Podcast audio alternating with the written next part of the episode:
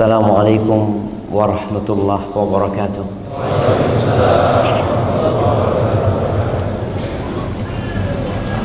Jamaah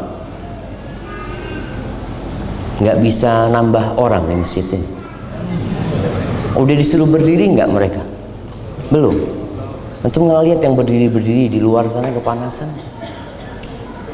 Nah, apa diperbolehkan masuk? Yang di luar. Kita muat-muatin.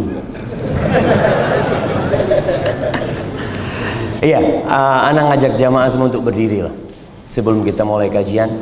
Kecuali yang depannya kamera antum. Tapi nggak apa-apa, kemudian merapat ke depan ya. Terus sudah jangan jauh-jauh, duduk udah.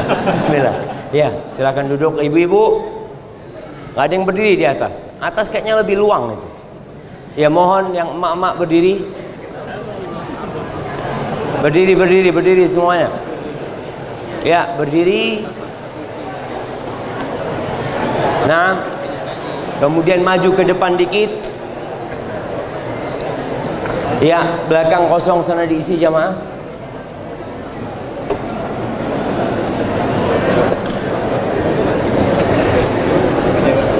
Masya Allah. Kabur ke mana? pada maju Baik, yang ada tempat kosong angkat tangan supaya temennya bisa duduk di sana. Nah, tuh tuh. Sebelah sana. Iya, yang mak-mak udah duduk, nggak usah foto-foto, mak-mak sibuk. Uh. Nah, yang udah maju udah duduk. Silahkan duduk yang di atas. Nah, kalau udah full panitia tutup pintunya. Ada yang masih kosong? Ya, sebelah situ kosong, sebelah kiri ujung kosong jemaah. Kasih jalan ke sana. Harus muter yang luar kayak. bukan Masya Allah. Ya, yang masuk ke dalam kayaknya perlu muterin masjid. Tawaf. Tawaf jemaah. Astagfirullahaladzim. Baik, ada buat dua orang. Tuh ada dua orang. Maju-maju bagi-bagi kita jemaah. Semoga semua yang sudah meluangkan tempatnya untuk saudaranya masuk surga.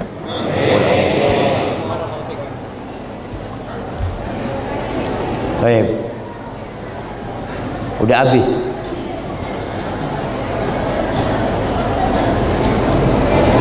Baik, tinggal dua orang lagi. Kayaknya harus ada yang tutup pintu sudah jemaah. Udah habis di dalam ini. Ada dua orang lagi nih. Baik, bismillah yang sudah di sana silahkan duduk. Alhamdulillah. Alladhi hadana li wa ma kunna linahtadiya laula an hadana Allah.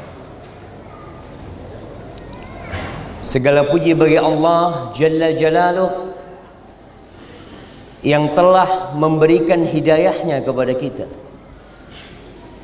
Yang kalau bukan hidayah Allah, tidak ada satupun manusia yang datang ke masjid ini. Tidak ada satupun manusia yang suci dan bersih kemudian jadi orang baik. Allah Azza wa Jal mengatakan walaula fadlullahi alaikum wa rahmatuhu ma zaka minkum min ahadin abada. Selama-lamanya nggak akan ada yang jadi orang baik. Walakin Allah yuzakki man yasha. Tapi Allah lah yang menyucikan siapa yang dia kehendaki. Dan Allah lebih tahu siapa yang pantas dapat hidayah. Allahumma lakal hamdu kulluh wa laka syukru kulluh wa ilaika yurja'ul amru kulluh.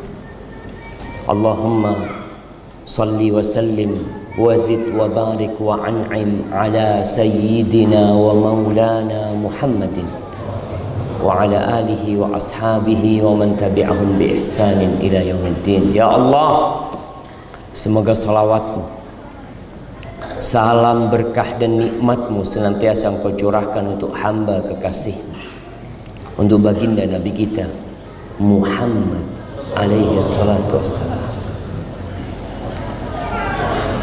Kita tidak akan pernah mendengar cerita yang lebih indah jadi cerita Rasulullah sallallahu alaihi wasallam.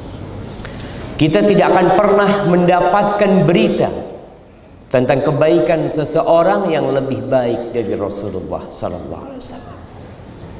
Dan kita semua mengaku pengikut Rasulullah sallallahu alaihi wasallam. Kalau sekarang istilahnya itu follower. Kira-kira antum siap nggak jadi follower Rasul SAW? Antum harus susah. Antum harus siap meninggalkan sedikit kenikmatan dunia untuk berjuang menegakkan agama Allah. Dan banyak orang yang pandai berbicara. Tapi tak kala dihadapkan kepada jalan-jalan menuju Allah berat buat dia. Kalau hari ini kita berbincang tentang sedikit kenikmatan dunia. Tadi Anda masuk tempat ini, Anda lihat rumah-rumah yang indah. Sebagian mungkin rumahnya tidak di sini. Tapi dalam hati berpikir, ya Allah besar banget rumahnya. Emangnya siapa yang tinggal? Pembantu. Iya. Ada banyak rumah yang menghuni cuma pembantu dan tukang kebun. Besar rumahnya aja. Anak pernah jalan di sebuah daerah betul-betul anak lihat ya Allah ini bukan di Indonesia ini. Tapi teman yang antar di mobil mengatakan Ustaz tenang Ustaz, ini rumahnya pembantu Nggak ada isi. Nggak ada pemiliknya. Ke mana a'lam. Dia punya banyak rumah. Tapi sayang tubuhnya hanya satu. Dia tidak bisa gunakan dalam satu waktu untuk tinggal di tujuh rumah. Bisa jemaah. Anak punya tujuh rumah separuh kaki anak di rumah sana, tangan anak berbincang tentang kenikmatan dunia mau tidak mau antum suka sama dunia. Siapa yang tidak cinta sama dunia? Nak kasih hadiah. Ada yang tidak suka sama dunia Allah sudah menanamkan fitrah itu di hati kita. Yang kita nggak bisa untuk menghilangkan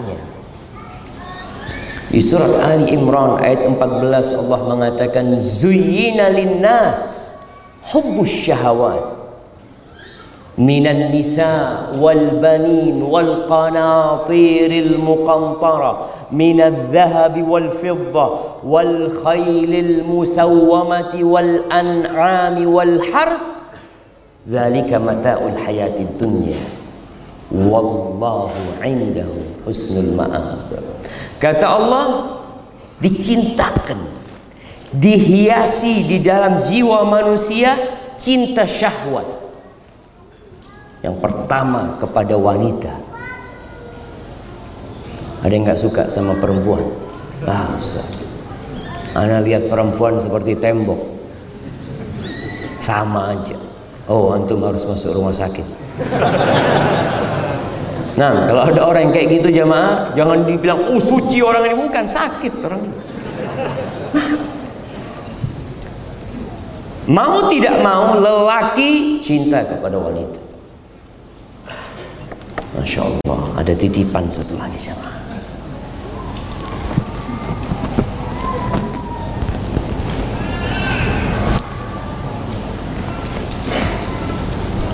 Sudah dicintakan. wal banin cinta kepada anak bahkan kalau antum jadi orang kaya punya rumah besar tapi nggak ada anaknya ada yang kurang dalam kehidupan ini. Apa yang kurang? Jantung antum belum lengkap. Kata Allah al-mal wal banun zinatul hayatid dunya. Allah akbar jamaah. Kenapa orang tua kita sibuk bekerja? Buat kita? Kenapa orang tua kita bikin kamar-kamar di rumahnya? Buat kita? Buat anak-anaknya jemaah. Kenapa mereka berlelah-lelah? Buat anak. Banyak orang tua itu yang makan udah nggak banyak. Anak bertemu dengan perantau-perantau di beberapa negeri. Anak tanya, bang, abang udah tua nggak pulang bang? Saat kalau anak sih udah nggak banyak makannya Ustaz. Tapi anak-anak belum selesai kuliah. Nih yang pada kuliah ingat sama orang tuanya. Antum jangan berkhianat sama orang tua. Banyak di sekolah-sekolah anak sekolah ke Jakarta orang tuanya bertani bercocok tanam tiap bulan kirim duit. Tapi anaknya jadi pengkhianat hasil kerja orang tua. Orang tua cinta sama anaknya. Kalau antum minta jantungnya orang tua dikasih. Karena sejatinya antum jantung dia. Kata Allah, wal qanatiril muqantara minadh dhahab wal fiddah. Oh, kekayaan harta sekarang. Harta yang bertumpuk-tumpuk. Kenapa rame beberapa waktu yang lalu jamaah orang pamer ATM? Oh, pamer saldo. Seharusnya yang pamer saldo itu datang ke sini. Di sini ada ATM beras. Kasih dia ATM beras. Suruh ambil beras. Supaya dia merasakan gimana orang ketika passing ATM yang keluar beras. Dia tahu ini yang bikin anak hidup. Karena ada orang-orang miskin di sana yang bikin anak masih bisa bertahan hidup. Tapi itulah perhiasan dunia. Orang ingin mobil yang bagus-bagus motor yang bagus-bagus jam ada jam harganya 10M. Emangnya kalau lihat jam itu gimana hatinya jam? Artinya orang 24 jam anak sejak pakai jam ini Ustaz jadi 27 jam. Anak mau beli itu jam. Jadi umurnya bertambah 3 jam dia. Dibohong-bohongin. Tapi itu kecintaan manusia. Hubbus syahwat. Yang sudah dicintakan kepada manusia. Manusia itu ingin memiliki sesuatu yang tidak dimiliki orang lain. Itu manusia. Dia punya mobil, antum kepingin mobil yang bisa kalau bisa kelasnya beda sama dia, yang lebih tinggi dikit. Makanya antum lihat kenapa orang jualan handphone itu laku terus. Sudah berapa juta handphone dia bikin, jual lagi ada yang beli lagi, jual lagi ada yang beli lagi. Karena di sini hubus syahwat yang sudah ditanamkan. Emas perak wal khairil musawwama. Kuda-kuda. Dulu kendaraannya kuda. Walaupun sekarang orang punya kuda juga. Mereka bangga. Antum datang ke tempat ini naik apa ada yang motor. Anak naik motor Ustaz. Oh Masya Allah. Tapi motor harganya 750 juta eh. naik motor ini naik mobil 90 juta. Ada motornya 750 juta. Itu manusia cuman dia cinta dengan yang seperti itu. Sepeda. Ada sepeda berapa paling murah? 150 juta 150 juta ada ada cuman anak terus terang nggak tahu kenapa tadi kalau kita bicara apa memang kalau naik sepeda itu lebih sehat gitu ya daripada yang sepeda 3 juta kayak gitu. Apa betul jemaah? Wallahu a'lam. Anda nggak pernah nyoba soalnya jemaah. Wal an'am binatang-binatang ternak, piaraan-piaraan ya. Wal haras kebun-kebun, masya Allah. Lalu Allah katakan dalika mata'ul hayati dunia. Itulah kenikmatan kehidupan dunia. Itulah kenikmatan kehidupan dunia. Mau cari yang lainnya apa sih? Nggak ada sudah. Itu kenikmatan kehidupan dunia. Yang pertama apa? Perempuan, anak, duit, kendaraan, binatang ternak, kebun-kebun. Itu kenikmatan kehidupan dunia. Orang sekarang kadang-kala berebut jabatan, Anda mikir buat apa sih? Capek jadi pejabat itu. Capek nggak jadi bupati jam? Capek. Tapi apa yang diperebutkan ya salah satu dari yang di sini. Itu kenikmatan kehidupan dunia. Wallahu indahu husnul ma'ab. Di sisi Allah itu ada tempat kembali yang paling indah. Jangan lupa sama Allah Azza wa. Rasul Shallallahu Alaihi Wasallam nggak takut umatnya fakir, jamaah. Sekarang orang yang berkata, kenapa dia kaya, aku miskin. Alhamdulillah kamu miskin. Kalau kamu kaya mungkin nggak datang kajian. Oh iya juga ya. Alhamdulillah. Kata Nabi Alaihissalam, Wallahi, beliau bersumpah, Wallahi mal faqra akhsha alaikum. Demi Allah aku tidak takut kalian ditimpa kefakiran. Aku nggak takut. Wa inna ma akhsha an tubsata alaikumud dunya kama busitat 'alal ladzina min qablikum. Yang aku takutkan ketika dunia ini dibentangkan buat kalian. Jemaah, antum merasakan apa yang tidak dirasakan Fir'aun. Antum merasakan apa yang tidak dirasakan Fir'aun. Apa yang tidak dirasakan Fir'aun? Buah musim dingin di musim panas. Kulkas, ada kulkas zamannya Fir'aun. Wah Fir'aun ya mau musim panas minum air dingin, nggak ada. Antum sekarang dalam kondisi nggak punya pun bisa menikmatin dunia ini. AC, kipas angin.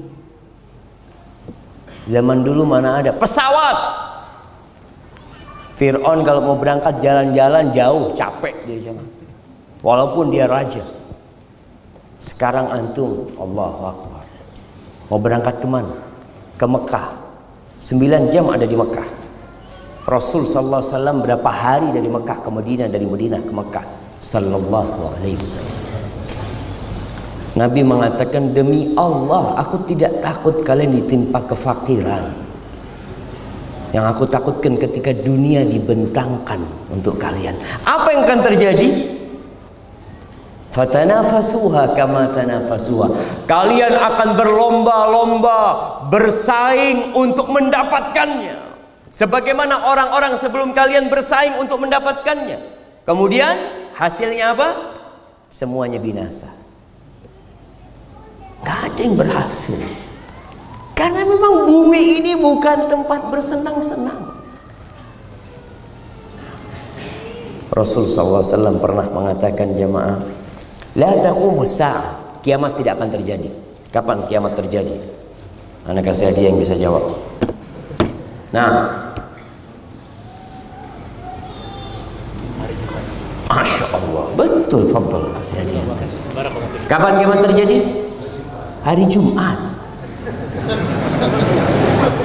Hari Jumat Jumat kapan? Allah Itu, itu urusannya Allah Tapi kan Nabi nyebutkan Hari Jumat kiamat akan terjadi Maka hari yang termulia Adalah hari Jumat Tapi kita sedih Ketika hari Jumat orang tua tidak bisa berangkat ke masjid bersama anak-anaknya. Nggak bisa dia ngajarin anaknya dengerin khutbah Jumat. Nggak bisa pulang Jumat dia ngajarin istrinya tuh tadi. Khotibnya mengatakan ini dan itu. Karena kita sibuk bekerja di hari Jumat. Kata Nabi SAW, La taqumu sa'ah. Masya Allah. Antum mau berdiri sampai kapan di sana? sampai kiamat. Nah, nggak apa-apa kalau untuk mau berdiri nggak apa-apa, ada masalah. Lebih besar mana pahalanya jamaah?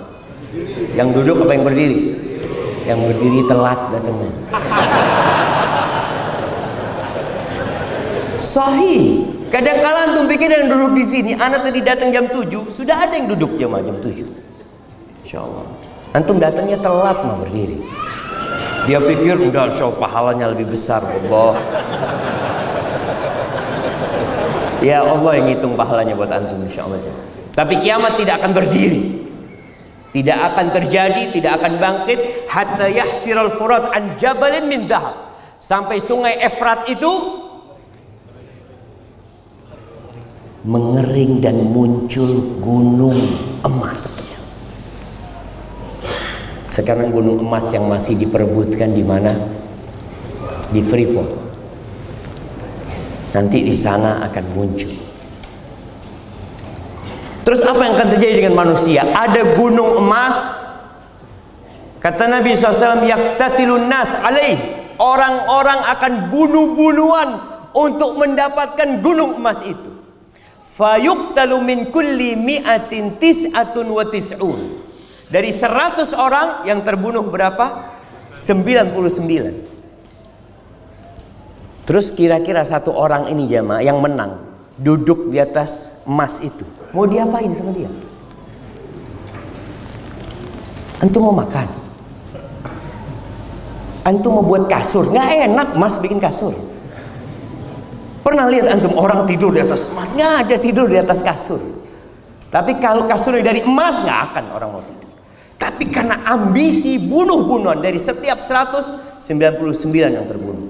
Wa yaqulu kullu rajulin minhum. Setiap orang mengatakan la'alli akunu ana alladhi anju. Mungkin aku yang menang. Itu perebutan manusia, jawab. Anak akan bertanya, kalau ada satu yang menang kemudian menduduki emas tersebut, sampai kapan dia akan duduki? 100 tahun? 1000 tahun? Allah mengatakan wa mal hayatud dunya illa mataul ghurur. Tidaklah kehidupan dunia ini hanya kenikmatan yang menipu. Kita itu sering tertipu, coba. Tapi ya udah namanya orang cinta sama harta mau diapain? Diarahkan kepada yang lebih baik. Kembali kepada pertanyaan kenapa dia kaya, aku kok enggak Ustaz? Apa hikmah dari semua itu? Kalau kita memandang kepada diri kita, maka kita ingin kita yang kaya. Ya kalau bisa ya sering pertanyaan dilontarkan. Lebih baik yang mana? Kaya bersyukur atau miskin bersabar. Antum mau jadi yang mana? Kaya bersyukur antum maunya. Enggak Ustaz, soalnya kalau kaya bersyukur bisa bangun masjid. Ah.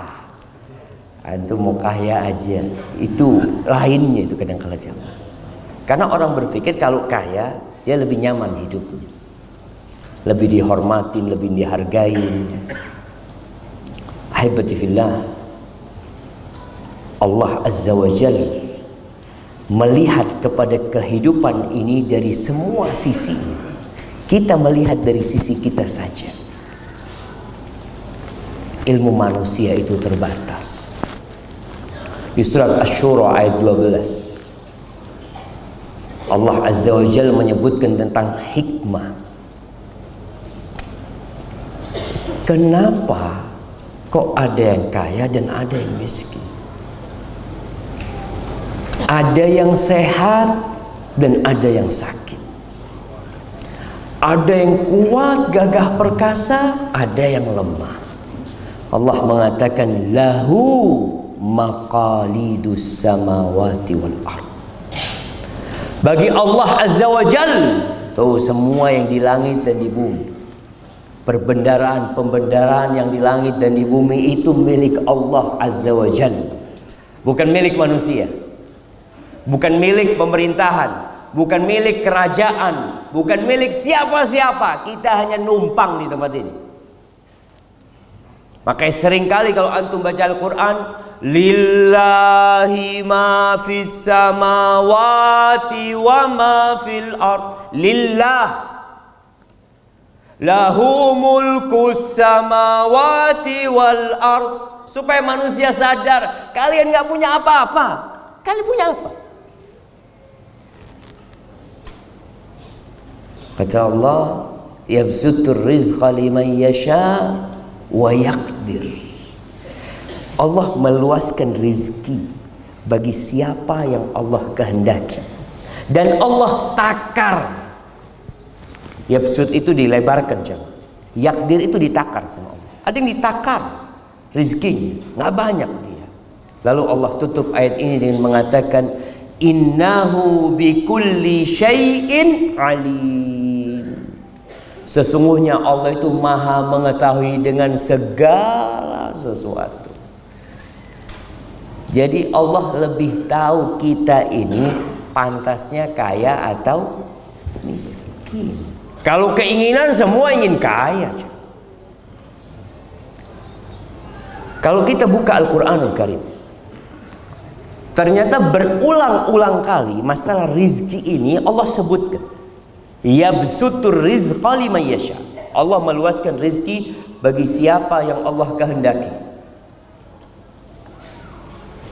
Masya Allah. Ana izin minum dulu jamaah.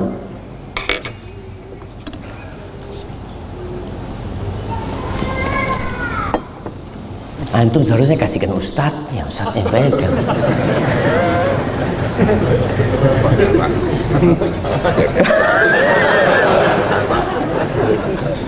Cuma pertanyaan dikumpulin.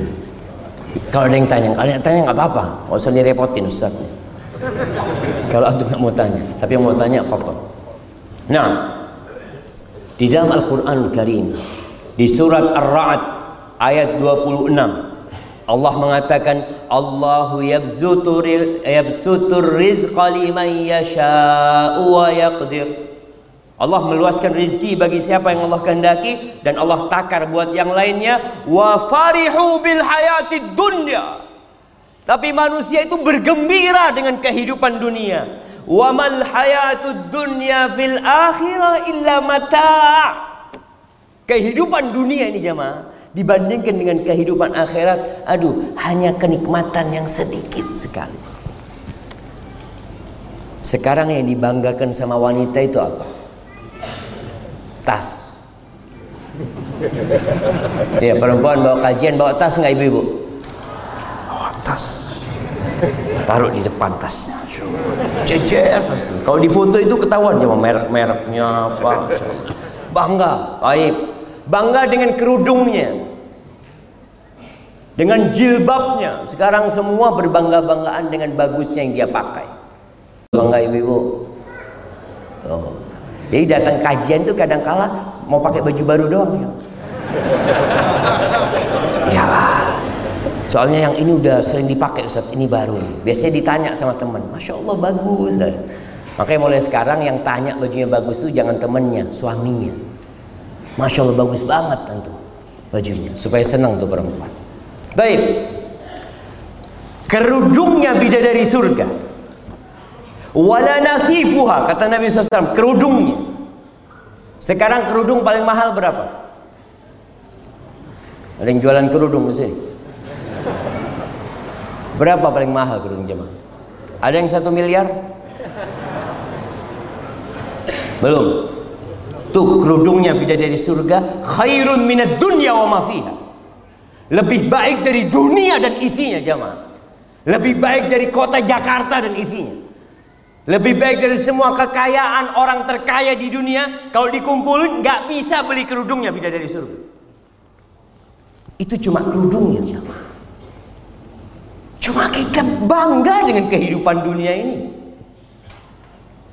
Wala maudhi'u sauti ahadikum fil jannah. Kata Nabi SAW, tempat di surga itu tempatnya cemeti, pecut. Biasanya mereka kalau naik kuda, naik onta, mereka bawa pecut, ditaruh tuh pecutnya itu. Tempatnya itu di surga lebih baik dari dunia dan isinya. Kenapa? Karena semua yang kita kumpulkan akan hancur di sini.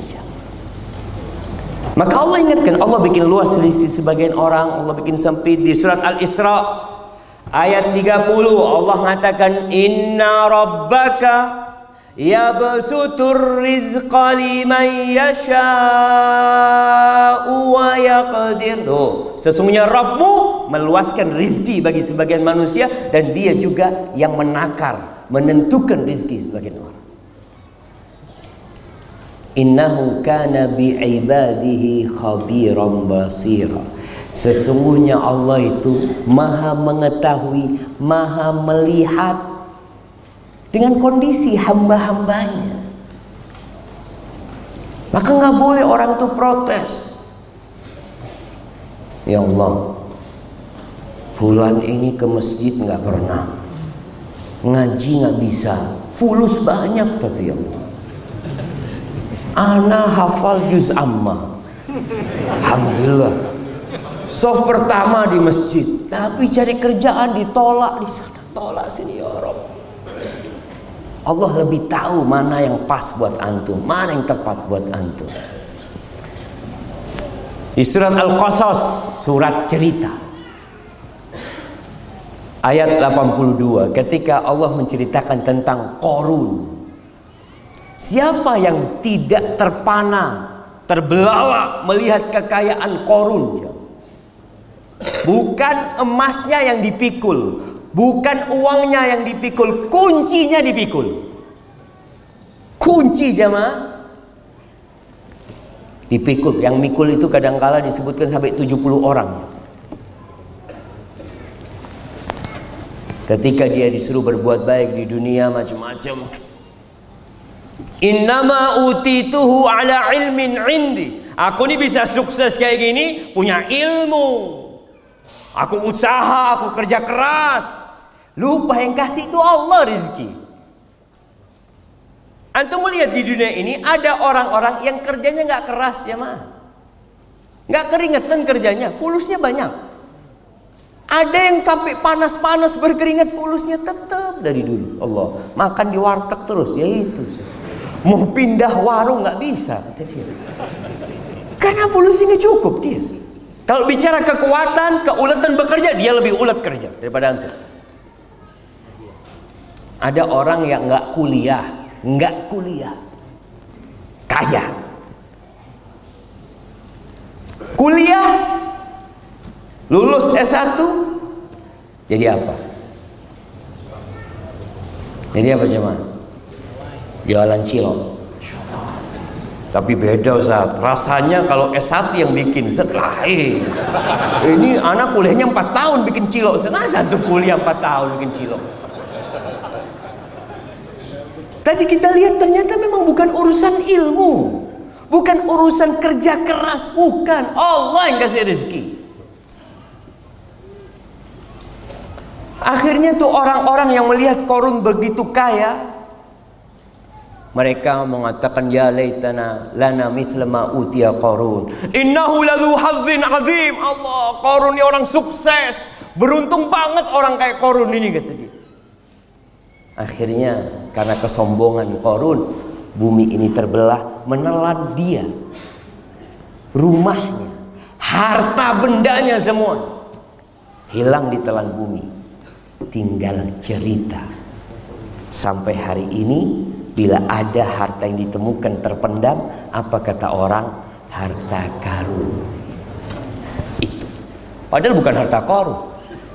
Selesai ceritanya karun. Apa kata orang-orang ketika mengetahui kejadian Qarun? Wa asbahal ladzina tamannau makanahu bil ams. Orang yang kemarin ingin seperti Qarun nggak jadi. Mereka mengatakan yaquluna wa anna Allah yabsutu rizqa liman yasha'u min ibadihi wa yaqdir. Oh, seakan-akan ni Allah memang meluaskan rizki sebagian orang dan menyempitkan rizki sebagian orang. Laula amanna Allahu alaina la khasafa bina. Kalau Allah enggak ngasih karunia sama kita, kita ditelan bumi udah kemarin juga. Alhamdulillah. Wa annahu la yuflihul kafir. Dan masih banyak ayat-ayat Anda bacakan di surat Al-Ankabut ayat 62 Allah ingatkan masalah rizki itu. Di surat Ar-Rum ayat 37 sama. Di surat Saba ayat 36 Allah ulangi inna rabbi yabsutur rizqa liman yasha wa yaqdir. Qul inna di surat Saba lagi ayat 20 ayat 39. Allahu akbar. Ahibati fillah. Ketahuilah bahwa rizki-rizki itu dibagi sama Allah. Satu kaya satu miskin satu kuat satu lemah sejatinya semuanya sedang dalam ujian. Ujian dari Allah. Luasnya rizki bukan tanda cinta Allah kepada hambanya. Besarnya rumah yang antum miliki bukan tanda Allah sayang sama antum karena ada orang yang kemudian berpikir, Anda bertemu dengan beberapa orang. Dia mengatakan, Ustaz, Alhamdulillah Ustaz, rezeki Anda semakin luas. Berarti Allah cinta sama Anda. Terus sama korun gimana? Antum hartanya lebih banyak mana? Amang Fir'aun lebih banyak mana harta antum? Kalau antum mengatakan banyaknya harta itu tanda cinta, bukan. Orang-orang kafir kata Allah di surat Al-Fajr, "Fa ammal insanu idza mabtalahu rabbuhu fa akramahu wa na'amahu fayaqul rabbi akraman." Tuh ada manusia kalau Allah uji dengan diluaskan rizkinya dikasih jabatan dimuliakan sama Allah dihormatin sama manusia oh Rabbi akraman Robku memuliakan aku Buktinya ini semua yang aku hasilkan. Wa amma idza mabtalahu faqadara alaihi rizqahu fayaqulu rabbi ahad. Kalau rizkinya disempitkan, dia mengatakan aku dihinakan oleh Rabbku. Kalla. Enggak, bukan kayak gitu ukurannya cuma. Cara fulan kaya, anak miskin bukan karena itu cinta. Yusuf ini kan untuk menghibur diri Ustaz. Bukan menghibur diri, memang gitu benar bukan tanda cinta. Di surat An-Nahl ayat 71 Allah mengatakan wallah faddala ba'dakum ala ba'din fil rizq. Dan Allah itu memuliakan sebagian orang atas sebagian lainnya dalam urusan rizki supaya tampak mana yang bersyukur dan mana yang bersabar. Pembagian rizki di dunia ini bukan karena amalan, bukan karena keyakinan, bukan karena keimanan, bukan. Terus apa ukurannya? Ujian. Allah memberikan ujian. Tetangga antum diuji dengan kekayaan. Antum diuji dengan kemiskinan. Ada lagi fulan diuji dengan penyakit lahir cacat.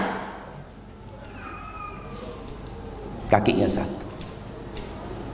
Diuji Allah Subhanahu wa taala. Oh ini lahir sempurna sama antum diuji. Supaya antum kalau melihat yang cacat antum jadi sadar ya Allah. Alhamdulillah. Dan kalau antum tidak bersyukur kita tuh orang tua kalau nunggu kelahiran anak jamaah kadang kala tanya anaknya sempurna? Alhamdulillah. Lengkap semuanya. Tapi lengkapnya raga anak kita. Tidak ada jaminan sampai mati lengkap. Ada yang tabrakan. Dua tangannya harus diamputasi. Ada yang tabrakan dua kakinya diamputasi. Ujian semua aja Di surat Az-Zukhruf ayat 32 Allah mengatakan nahnu qasamna bainahum ma'isyatahum fil hayatid dunya. Kami yang membagi di antara manusia itu penghidupan mereka dalam kehidupan. Allah yang bagi bukan kita. Wa rafa'na ba'dahum fawqa ba'din darajat.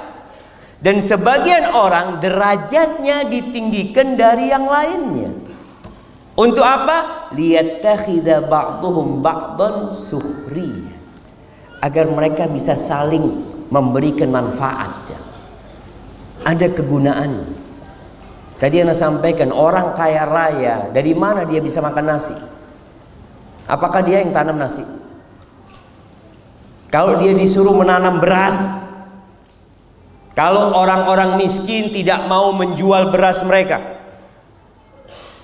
nggak ada ini buat kami apa yang akan terjadi dengan orang kaya Apakah masih ada orang kaya? Nggak ada. Mereka akan tanam sendiri. Dan sebelum panen sudah mati mereka. Karena nunggu masa panen tiga bulan baru bisa makan. Allah jadikan itu supaya saling memberikan manfaat. Ahibati fillah, ada yang Allah kasih kekuatan. Badannya kuat. Ada yang satu lemah. Yang lemah ini Masya Allah, Allah kasih rezeki banyak. Kalau dia suruh bangun rumah sendiri nggak mampu. Dia buka usaha sendiri nggak mampu. Tapi dia bisa suruh orang lain yang kerja. Hubungannya antara kaya dan miskin ini saling memberikan manfaat. Jangan dipikir kamu kaya, oh aneh bantu si miskin. Enggak, antum dibantuin sama si miskin. Kita yang dibantuin sama si miskin. Kalau nggak ada pembantu di rumah kita, antum pikir kita berbuat baik sama pembantu atau pembantu berbuat baik sama kita?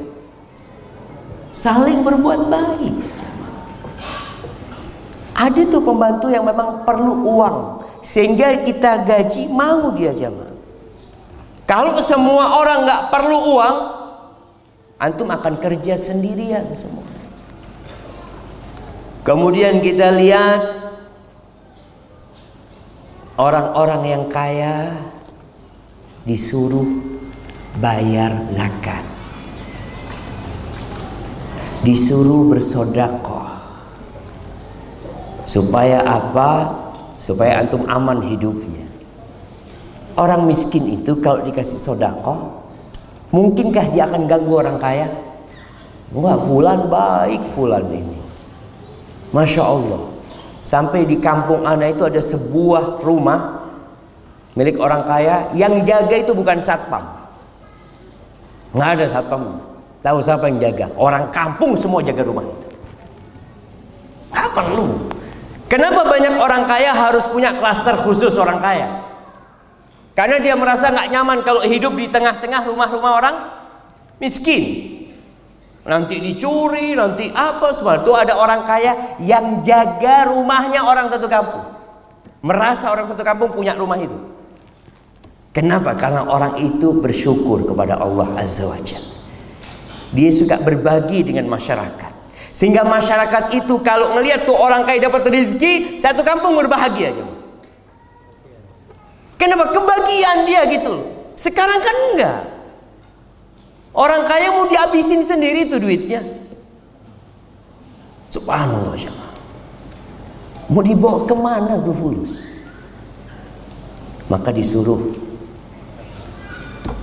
bayar zakat, kasih sodakoh, Sodakoh itu kata Allah khud min amwalihim Sodakatan tutahhiruhum wa tuzakkihim biha. Ambil dari harta mereka. Nabi disuruh ngambil. Sodakoh, zakat dari harta mereka. Apa tujuannya? Menyucikan hati mereka. Supaya antum tidak berpikir mau hidup selama-lamanya di dunia. Makanya dikatakan sodakoh itu burhan Sodakoh itu bukti keimanan. Bukti beriman dengan hari akhir. Antum ketika sodakoh sekali lagi. Ketika sodakoh jangan merasa antum berbuat baik sama orang lain. Antum sedang berbuat baik sama diri sendiri. Sodakoh itu balik ke siapa sih? Ke anak-anak yang perlu sama sodakoh ini. Gimana kalau antum kasih sodakoh lalu orang itu tolak? Enggak. Anak nggak perlu sama sodakoh. Anak cukup. Datang ke sana? Enggak. Afwan. Ya Allah mau dikemanakan fulusnya? maka adanya orang-orang miskin untuk menyucikan jiwa antum untuk menjadikan antum menjadi orang baik. Jamaah rahimakumullah bagi yang miskin bagi yang miskin jangan suka mendongak ke atas. Orang kalau jalan melihat ke atas ya kanan kiri kanan kiri nggak tahu kalau ada lubang di depannya. Terjerumus antum. Rasulullah sallallahu alaihi wasallam mengatakan, "Unzuru ila man huwa asfala minkum." Lihatlah kepada yang di bawah kalian. Wala tanzuru ila man huwa fawqakum. Jangan melihat ke atas. fahuwa ajdaru an la tazdaru nikmatallah alaikum itu akan lebih pantas buat kalian untuk tidak meremehkan nikmat yang Allah berikan kepada kalian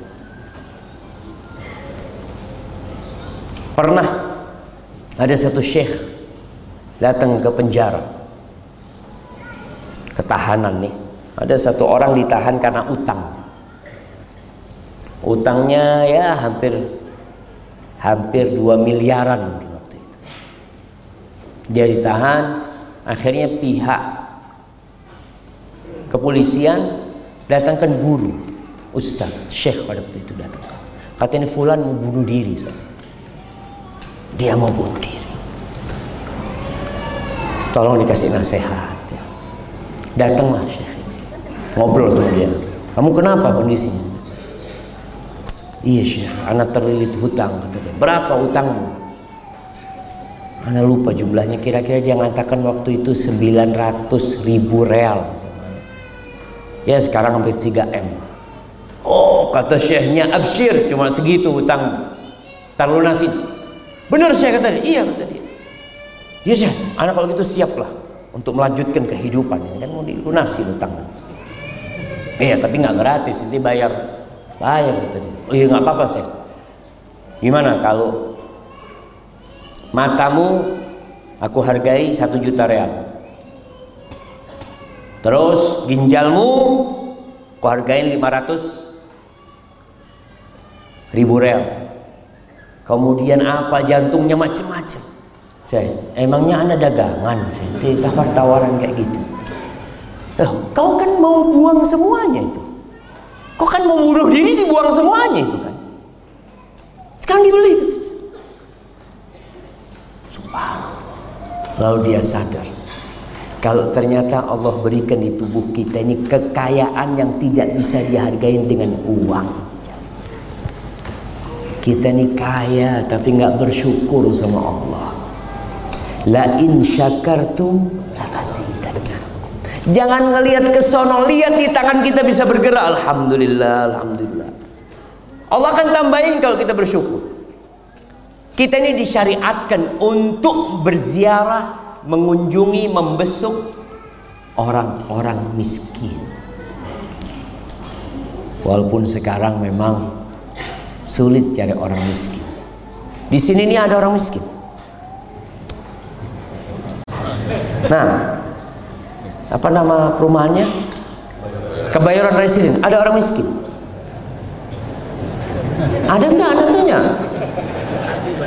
miskin hati banyak katanya nggak ada orang kaya nggak mau kumpul sama orang miskin memang ada kehidupan materialisme yang diciptakan Padahal Nabi SAW menganjurkan kita untuk cinta kepada orang-orang miskin dan dekat sama mereka, dekat sama mereka. Sekarang dipisahkan. Untuk kalau masuk orang miskin itu di balik pagar cuma. Tembok sana. Kalau mau masuk ke perumahan ini harus tinggal KTP. Enggak KTP enggak? Anak pernah nganter istri sama anak-anak. Ya ada perumahan di Jember itu perumahan yang paling bagus loh. Anak naik mobil diberhentikan sama satpam. Mau ke mana? Waduh. Mau ke rumahnya Fulan. Nah, KTP. Oh, ternyata khusus orang-orang kaya. Kita harus masuk. Karena takut nanti mencuri, nanti apa, ini itu. Ada ketakutan buat keamanan Ustaz. Berarti kan mereka merasakan ketidakamanan. Deketlah sama orang miskin. Nggak apa-apa punya perumahan khusus, nggak apa-apa. Tapi tiap pekan datang ke, tempat kampung orang-orang miskin. Bawa sumbangan kepada mereka untuk mengobatin hati kita. Dan yang miskin pun terobatin hati. Terakhir, sebelum kita masuk ke sesi tanya jawab. Rasulullah sallallahu alaihi wasallam mengatakan innallaha ta'ala yahmi 'abdahu al-mu'min ad-dunya wa huwa yuhibbuhu Sesungguhnya Allah menjaga hambanya ada hambanya Allah yang dijaga supaya nggak dapat dunia. Padahal orang ini kepingin dunia jamaah. Kepingin dia sama dunia, tapi dijagain sama Allah nggak dapat dapat dunia. Usaha bangkrut, ikut ini bangkrut, aduh pokoknya hidupnya susah sebagaimana kama tahmuna maridhakum at-ta'amu syarab Sebagaimana kalian bagaimana menjagain orang yang sakit, makanannya dijagain, nggak boleh makan ini, nggak boleh minum ini. Itu Allah yang jagain. Jadi kalau antum gagal dalam kehidupan ini, udah usaha tapi nggak dapat dapat itu rizki husnuzan sama Allah. Mungkin memang kalau anak kaya, anak nggak bersyukur. Mungkin. Tapi bukan berarti kemudian antum malas ya. Kalau gitu anak nggak usah bekerja, kerja terus. Karena hitungan kerjaan kita ada pahala. Antum bekerja, cari rizki, pagi keluar rumahnya, dapat pahala asalkan niatnya benar. Nah, apa niat yang benar? Siapa yang mau jawab? Nah, nikmatnya ridho Allah. Yang lainnya, ibadah, ibadah, jihad, lillahi ta'ala sama aja antum. Nah. Nafkahin keluarga kirim ke belakang sana. Antum wah jihad ibadah. Ngasih nafkah keluarga. Antum bekerja ngasih nafkah keluarga jemaah. Itu bernilai ibadah. Bernilai ibadah. Itu kita bicarakan. Rasul SAW mengatakan, ini pernah kejadian di masa Nabi SAW. Ada seorang pemuda gagah perkasa. Kerja dia cari duit. Para sahabat mengatakan kepada Nabi SAW, Ya Rasulullah, andai kata kekuatan dia, gagahnya fisik dia itu di jalan Allah. Ya ini untuk berperang di jalan Allah, pasti akan lebih manfaat. Gitu. Laukana fi sabilillah, Masya Allah, sayang banget nih Badan kayak gini, semangat kayak gini kalau cuma curu cari duit.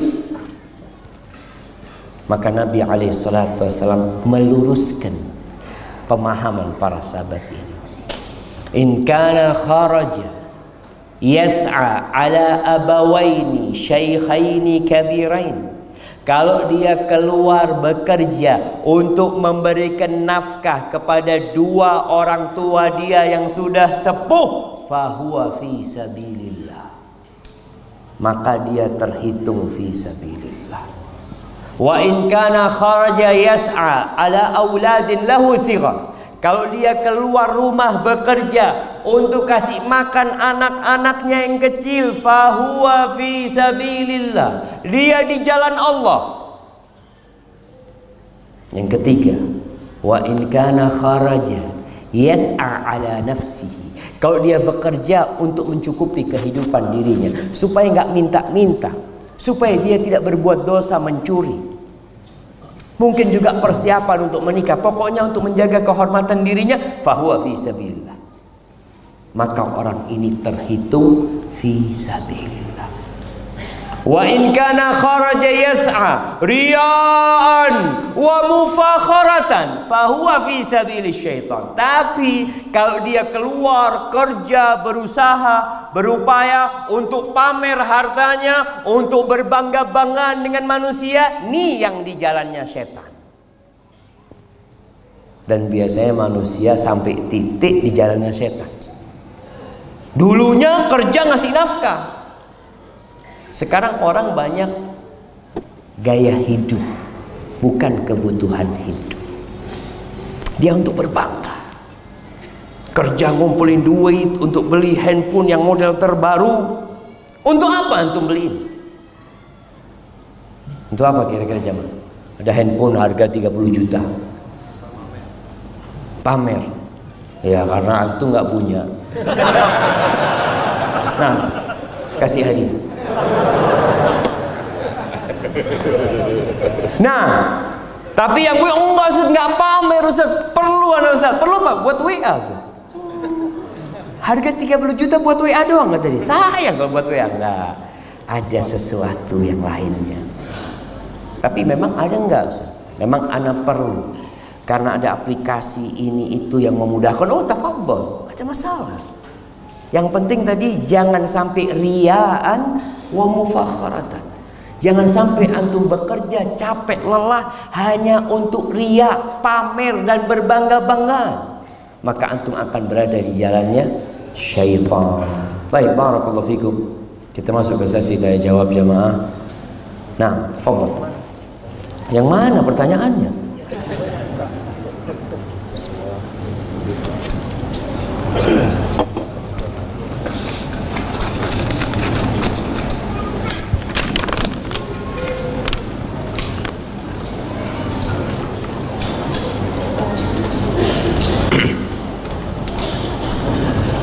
Assalamualaikum warahmatullahi wabarakatuh. Semoga Ustaz dan keluarga serta jamaah selalu dalam lindungan Allah Azza wa Jalla. Ustaz, Ana sekarang bekerja di Hotel Bintang 5. Bintang 5 plus di Jakarta. Dan Ana menerima gaji dengan servis cas yang termasuk di dalamnya ada hasil penjualan alkohol dari restoran. Mohon arahannya Ustaz, apakah Ana harus tinggalkan doakan agar Ana dapat pengganti penggantinya. Kalau antum tidak di bagian yang memang berhubungan dengan yang haram, artinya antum tidak ada hubungan sama tempat itu. Gaji mau nggak mau bercampur akhirnya. Ada yang halal, ada yang haram. Campuran itu di sini seorang harus bersih bersih. Kalau memang antum tidak di bagian yang seperti itu. Di bandara pun kita lihat ada yang ada yang jualan alkohol kadang-kala tempat itu jemaah. Tapi kalau antum di bagian yang berhubungan dengan itu antum harus tinggalkan. Barakallahu fikum. Assalamualaikum Ustaz. Waalaikumsalam. Mau tanya perihal memilih pasangan, apakah harus kaya? Meyakinkan keluarganya bahwa rizki itu sudah ditakar oleh Allah. Oh, berarti dia yang melamar miskin. Iya. Nah, dia jomblo melamar miskin tapi keluarganya kaya, nggak terima. Dia cari yang kaya. Kita udah dari awal kita sebutkan. Firman Allah Subhanahu wa taala zuyyina linnasi hubbus syahwat. Manusia itu udah ditanamkan cinta syahwat kepada kekayaan itu sudah ditanam. Oleh karena itu Nabi alaihissalatu ketika berbincang memilih pasangan hidup Beliau mengatakan wanita dinikahin karena empat hal. Yang pertama kecantikan. Kita biasanya kayak gitu. Yang kita lihat tetap wajah tubuh. Nggak usah, anak nggak peduli sama wajahnya, karena udah tahu wajahnya cantik dia. dia. Makanya kadang-kala orang disunahkan untuk melihat pasangan hidup dia, kecantikan. Yang kedua, kekayaan. Artinya ada perempuan, anak nggak apa-apa, Ustaz, dapat janda nggak apa-apa. Yang penting fulus. Anak ini udah susah hidup bertahun-tahun Ustaz. Paling enggak kalau dapat janda fulus kan aduh ya bisa makan enak dikit ya. Ada yang seperti itu. Makanya kenapa kalau janda kembang, janda kembang. Ada bahasa Jawa itu namanya roles. Rondo teles gitu itu rondo yang banyak pulusnya itu rame itu jemaah. Yang mau melamar itu. Karena yang dia pikirkan dia nggak ngelihat jandanya ngelihat wajahnya. Apa? Fulus. Ada yang seperti itu. Dan yang ketiga karena nasabnya anak bangsawan ya. Masya Allah. Itu di beberapa tempat masih seperti itu. Yang keempat karena agamanya. Nabi SAW menyebutkan agama di terakhir di dunia karena banyak agama memang dikesampingkan sama orang. Fadfar bidati din taribat yadak. Kalau engkau ingin beruntung, ingin berbahagia hidup di dunia dan di akhirat, cari yang agamanya baik. Urusan kekayaan aman. Kalau hatinya istri itu baik, mau kaya mau miskin dia nerima. Kalau dia wanita soleha, kalau bicara kecantikan, mau secantik apa pun istri kita, lama kelamaan biasa-biasa aja. Betul. Antum mau istri kata dulu, oh ini paling cantik sekampung. Antum lihat di rumah, nyugiin makanan biasa-biasa aja dia cantik kayak itu tapi ngelihat bininya tetangga Masya Allah Masya Allah ada syaitan maka kalau bicara kecantikan jamaah orang itu melihat sesuatu yang belum dia miliki tidak dalam wujud aslinya ketika sudah dimiliki biasa-biasa aja ini ini penjelasan para ulama tentang banyak hal mau mobil, mau motor, mau rumah. Antum ketika mau beli rumah baru, ngelihat rumahnya, ya Allah bagus banget ya. Masuk keluar sana, berangan-angan untuk beli. Ketika sudah dibeli sama antum ditempatin, biasa-biasa. Nggak ada lagi yang spesial dari sana. Sedangkan kalau bicara kecantikan, tambah tahun istri kita itu tambah cantik atau tambah tua? Astagfirullah ya. Sabar kita dapat istri kayak gini. Padahal dulu kepingin makanya cari yang agamanya baik. Selesai urusan. Adapun bagi laki-laki, perempuan kalau mau cari laki-laki, Rasul SAW yang pertama kalau antum mau nikah, antum harus punya kemampuan. Kalau nggak mampu jangan nikah. Ngapain? Puasa. Allah katakan wal yasta'fifil ladzina la yajiduna nikahan hatta yughniyahumullah min fadli. Hendalah orang-orang yang tidak punya kemampuan jaga diri. Nggak mampu dia menikah karena nggak punya harta. Jaga diri sampai Allah kasih karunia-Nya. Dengan cara apa? Dengan cara puasa. Dengan cara ya menjaga hati sampai dikasih rezeki menikah. Dua kriteria yang disebutkan Nabi SAW di calon pengantin laki-laki. Yang pertama, agamanya baik, akhlaknya mulia. Kalau bicara agama baik, ada standar. Standar agama baik itu melaksanakan kewajiban meninggalkan yang haram. Itu sudah. Dia alhamdulillah dia belum sholat sunnah Ustaz Cuma sholat lima waktu, alhamdulillah. Berarti standar sudah. Dia Ustaz hafalan Qurannya nggak ada. Alhamdulillah. Bisa baca Quran, alhamdulillah. Yang standar, akhlaknya mulia. Insya Allah itu sudah cukup. Bahkan Nabi Alaihissalam mewanti-wanti jangan sampai ditolak kalau ada yang melamar agamanya baik dan akhlaknya mulia. Kalau ditolak orang seperti ini, takun fitnatun fil ardi wa fasadun arid. Akan terjadi kerusakan di muka bumi. Akan terjadi kekacauan yang dahsyat. Anak kita akan dizalimi. Antum kalau orang seperti itu ditolak, maka bagaimana cara meyakinkan keluarganya? Ya harus orang lain kalau antum yang meyakinkan nggak yakin mereka karena antum yang melamar kan antum karena miskin aja ngomong kayak gitu maka harus lewat orang lain yang memberikan nasihat.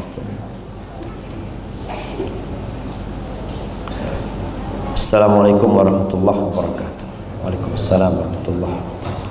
Pertanyaannya, saya belum lama menikah dan menyuruh istri saya resign tetapi istri ingin tetap berbakti membantu memberikan bantuan finansial ke orang tuanya.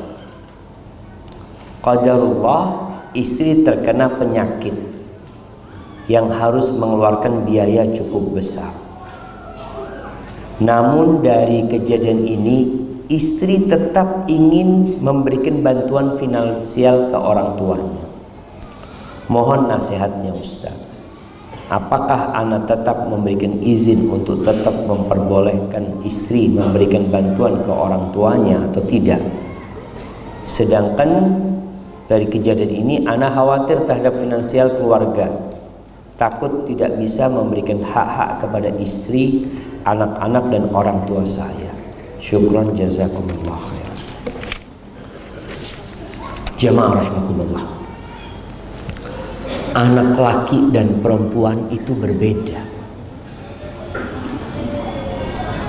Antum yang belum menikah, ketika punya anak perempuan nanti atau sekarang yang sudah punya anak perempuan, mendidik anak perempuan ini istimewa.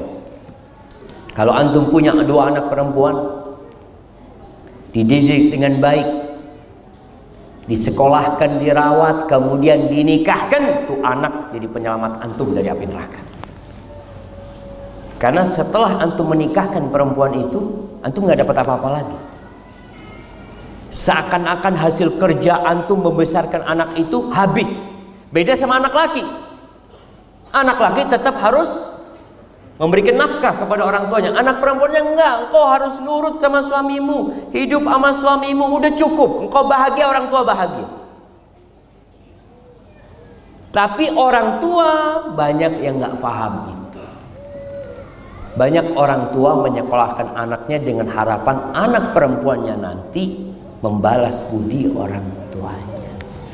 Ngasih ke orang tuanya. Seperti anak laki enggak enggak sama. Karena proses pernikahan itu ada peralihan tanggung jawab. Bagaimana ketika seorang ayah mengatakan kepada putrinya, eh kepada putrinya, kepada menantunya, zawajtuka wa angkahtuka makhtubataka binti, kunikahkan kau dengan putriku dengan mahar sekian. Selesai. Suaminya mengatakan qabiltu. Selesai, diterima sama dia surga dan neraka seorang istri jadi suami. Engkau tanggung jawab di hadapan Allah. Terus bagaimana aku ingin berbakti kepada orang tua? Tetap. Kalau bisa berbakti tetap dia berbakti sama orang tuanya. Tapi tidak menelantarkan tugas dia sebagai seorang istri. Maka nih buat para wanita sebenarnya cukup menjadi sebuah kebaktian anak perempuan kepada orang tuanya ketika dia tidak pernah menceritakan masalahnya kepada orang tuanya. Bikin orang tua bahagia. Permasalahan di rumah selesaikan sendiri. Cukup orang tua capek besarkan dirimu, sudah nikah masih ngerepotin orang tuanya lagi. Udah, Bapak ibu dengar yang baik-baik aja. Punya masalah sama suami, selesaikan baik-baik. Kalau perlu teman curhat, carilah seorang yang bisa membantu. Tapi orang tua kesian. Kalau dengar anaknya ribut sama orang tuanya, anak perempuan, ya Allah, orang tua sedih sekali. Maka tugas seorang suami adalah mendudukkan istri. Diajarin istrinya tentang bagaimana menjadi seorang istri yang baik Kebanyakan istri ini nggak ada kuliah peristrian jam. Nggak ada. Dia S1, S2 nggak ada belajar bagaimana cara jadi istri. Yang ada belajar bagaimana cari duit. Bukan jadi istri, bukan jadi ibu buat anak-anak. Sehingga banyak rumah tangga yang menghasilkan anak-anak yang tidak terdidik. Karena memang menikahnya bukan dengan seorang yang dipersiapkan untuk menciptakan generasi masa depan. Maka Jangan dianggap remeh ibu rumah tangga. Anak usul, pekerjaan ibu rumah tangga ditiadakan. Diganti. Ganti apa jemaah? Pencetak generasi masa depan. Kerjanya itu nih.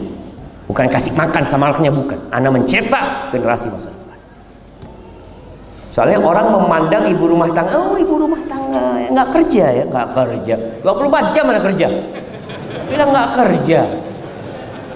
Karena mereka berpikir kerja itu yang menghasilkan uang. Wallahi jamaah. Kalau antum harus gaji istri antum dengan pekerjaan dia mendidik anak antum, nggak cukup semua gaji antum untuk dia. Apa antum akan berikan kepada istri antum? Jagain anak antum dengan cinta dan kasih sayang. Berapa antum akan gaji cinta dia? Kalau babysitter pembantu, ini dia cuma karena uang mendidik anak kita. Tapi istri kita dengan cinta dan kasih sayang. Dia ngajarin anak kita ngomong dan bicara. Dia ngajarin anak kita jalan. Tahu-tahu antum pulang kerja, anak kita sudah bisa berdiri. Ya Allah, anak kita sudah bisa ngomong, udah bisa baca Al-Fatihah. Siapa yang ngajarin? Istri antum. Mau digaji berapa dia sama? Tapi sebagai seorang suami katakan kepada istri, udah kau nggak usah kerja. Sebagian rizkiku insya Allah untuk bantu orang tua. Rizki yang seharusnya bayar pembantu, bayar apa udah nggak ada lah. Semuanya untuk bantu orang tua. Insya Allah lebih diberkain sama Allah Azza Tapi masalahnya tadi banyak perempuan yang nggak pernah sekolah bagaimana menjadi seorang istri. A'lam. Ustaz, semoga Allah merahmati Ustaz dan jamaah sekalian. Ustaz, mohon doanya untuk saya hijrah dari keburukan. Dan ana mohon nasihat sebagai pelajar yang takut kepada Allah Azza wa. Oleh jamaah teman-teman yang sedang belajar, yang sedang kuliah, yang sedang SMA. Berat perjuangan antum. Anak di pesantren 6 tahun ya sama laki semuanya terjaga. Kuliah sama. Ketemu jenggoten semuanya itu kuliah di Jakarta. Kuliah di Medina sama aja Masya Allah. Dan ternyata itulah yang menjadikan kita bisa menjaga diri dari fitnah wanita. Dan ternyata kalau antum lihat-lihat orang-orang Nasoro di Jakarta ini ada sekolah namanya Kanisius ya. Itu khusus laki-laki, Katolik sekolah. Didirikan tahun 1929 masih zamannya Belanda. Belanda udah bikin sekolahan, nggak boleh laki campur sama perempuan. Oh kenapa kata dia? Mau belajar ini. Terus nanti kalau mau kawin ya nikah aja kalau udah lulus. Emangnya anak-anak mau diajarin apa di sekolah kalau harus kumpul laki perempuan? Dan Indonesia darurat HIV sekarang sama. Nauzubillah min dzalik. Mana sering sampaikan di beberapa kajian hasil riset Menteri Kesehatan dan Komisi Perlindungan Anak 62,7 persen anak-anak itu sudah pernah melakukan seks bebas di negeri kita. Kenapa? Ya karena sistemnya yang ada seperti itu. Anak SMA, anak SMP. Kenapa mereka harus kumpul lagi perempuan sih? Ini yang Nasoro, yang Katolik, yang non Muslim. Berani bikin sekolah khusus laki-laki. Dan lulusannya bagus-bagus. Karena serius sekolahnya. Tapi kalau kumpul sama cewek-cewek zaman sekolah berangkat kadang-kala yang dibawa cuma sisir zaman bawa buku mas bawa sisir di sekolah.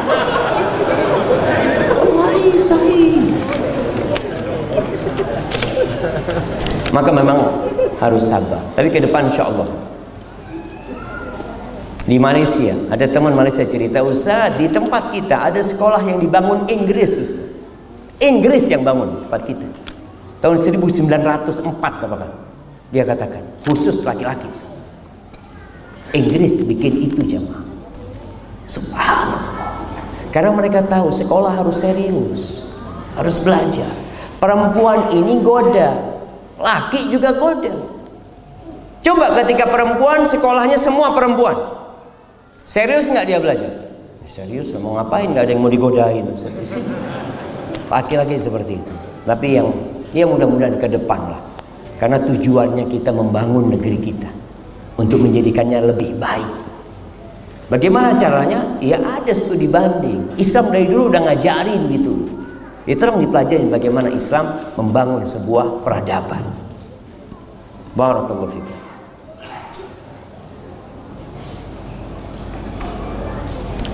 Anak saya bekerja di bank konvensional. Setiap bulan kami dikirimkan uang kalau dibilang kami sebagai orang tua tidak terlalu butuh uang tersebut sebab kami masih bisa membiayai diri kami sendiri. Pertanyaan saya apakah saya dosa mendapatkan apakah saya mendapatkan dosa riba jika saya menerima uang tersebut dan apa hukumnya apabila anak saya menambahin biaya umroh atau haji saya apabila um, apakah umroh dan haji saya sah jazakallah khairan.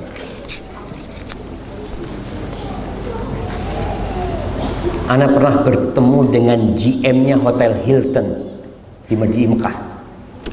Namanya Ibrahim Al-Fatih. Dia cerita. Anak sekolah di Amerika kata dia. Pulang kerja di bank konvensional. Bank apa namanya kata. Suatu hari kata dia. Anak ngundang keluarga makan bersama. Keluarganya ibu. Datanglah saudaranya ibu ngobrol-ngobrol setelah itu tanya Kerja di mana kamu? Wah, anak kerja di bank, gaji sekian. Dia gajinya waktu itu cerita sama anak 11 ribu real. Baru masuk dia 11 ribu real. Kira-kira ya 40 jutaan lah gaji dia. Setelah dengar itu pamannya ini pas waktu makan dia nggak mau makan. Ayo anak aduh nggak anak udah udah kenyang kata dia. Paman ini masalah kata dia. Panggil ibunya. Ibu, ini paman nggak mau makan kata dia. Datang ibunya. Ini adiknya. Kenapa nggak makan? Ayo makan kata dia. Enggak ini. Kenapa nggak makan kata dia. Nggak seperti biasanya. Soalnya anakmu kerja di bank konvensional. Kata dia. Riba. Jelaskan. Apa kata ibu? Nak besok bisa. Kata nanya. Resign ibu. Kata dia, ya anak sama ibu. Iya ibu. Selesai. Besok resign. Ah, anak resign mikir mau kerja apa? Kata dia. 11 ribu real. Lalu dia cerita, anak keluar, anak daftar jadi resepsionis di Hotel Hilton. Dengan gaji 3 ribu apa 4 ribu real. Sepertiganya gaji dia. Dia cerita subhanallah katanya. Itu gaji 11 ribu tiap bulan habis. Tiap bulan habis. Yang anak sakit, yang mobil rusak, ini semuanya habis tuh fulus. Subhanallah, anak punya gaji 3 ribu, 4 ribu real bisa nabung dan akhirnya menjadi GM-nya Hilton dia. Subhanallah. Jadi buat orang tua yang punya anak kerja di bank konvensional suruh berhenti. Suruh berhenti. Duduk panggil anak. Dudukkan anak. Jangan bicara hukum bank. Tumbuhkan di hati anak pengetahuan atau ingatan kenapa kita hidup di muka bumi. Ceritakan kepada dia, nak, kau 9 bulan minum dari darah ibu, nak. Engkau belum bisa kerja. Engkau belum bisa usaha. Engkau keluar pun rezekimu sudah ada, nak. Sampaikan kepada anak. Setelah itu minta dia untuk keluar. Karena Allah mengumumkan perang kepada pelaku riba. Dan Alhamdulillah di Indonesia ini perkembangan orang-orang yang mau jadi baik banyak. Umat Islam mayoritas. Dulu nggak ada bank syariah, nggak ada. Sekarang ketika banyak yang sadar, alhamdulillah tuntutan adanya bank syariah muncul. Walaupun bank itu belum 100% syariah, tapi usaha untuk menjadi syariah ada. Maka sampaikan kepada anak agar dia berhenti. Adapun pemberian anak kepada orang tua dari hasil riba, kalau orang tuanya tidak butuh, jangan diambil. Kalau terpaksa dia perlu sama uang itu, nggak ada masalah. Tapi kalau dia nggak butuh sama tuh duit, jangan. Supaya anaknya juga belajar. Tahu kenapa orang tuanya tidak mau. Dan insya Allah mudah-mudahan anaknya kembali kepada Allah Azza wa wallahu a'lam. Assalamualaikum Ustaz. Waalaikumsalam. Semoga Allah merahmati Ustaz dan seluruh umat Islam. Saya ada pertanyaan titipan yang saya belum berani menjawabnya karena takut salah. Pertanyaannya, apa perbedaan antara adab dan akhlak? Nah, bagaimana cara seorang istri untuk berbakti kepada orang tuanya sedangkan ia ikut suami tinggal di luar pulau? Pertanyaan pertama, perbedaan antara adab dan akhlak. Akhlak itu sifat. Akhlak itu karakter. Yang tertanam di dalam jiwa. Yang membuat orang itu melakukan tindakan tanpa berpikir dan tanpa menunggu. Akhlak itu keberanian. Itu akhlak. Dermawan, gak usah mikir. Ada orang perlu dibantu, Masya Allah. Anak pernah berjumpa dengan satu orang di Jeddah jemaah. Anak kalau lihat nggak ada orang akhlaknya kayak dia, masya Allah. Ketika anak nulis disertasi tentang peran lembaga dan ormas Islam dalam membendung pemurtadan di Indonesia, kadang-kadang kita perlu pulang ke Indonesia, butuh dana. Setiap anak telepon ke dia, jawaban dia satu, absyir, aman. Ada kabar gembira buat engkau. Terus ya Allah ya Karim. Ini orang masya Allah. Itu akhlak, nggak dibuat-buat. Sifat yang tertanam di dalam jiwa yang mendorong orangnya untuk melakukan tindakan tanpa berpikir itu akhlak. Tapi kalau adab itu cara dalam menyikapi sesuatu. Ada adab makan, bukan akhlak makan. Adab makan, tata cara makan yang sesuai dengan ada adab tidur. Ada adab bertamu. Itu adab babnya. Tapi kalau akhlak adalah sifat. Namun sebagian ulama menjadikan adab itu akhlak yang mulia. Karena akhlak ini ada akhlak buruk, ada akhlak mulia.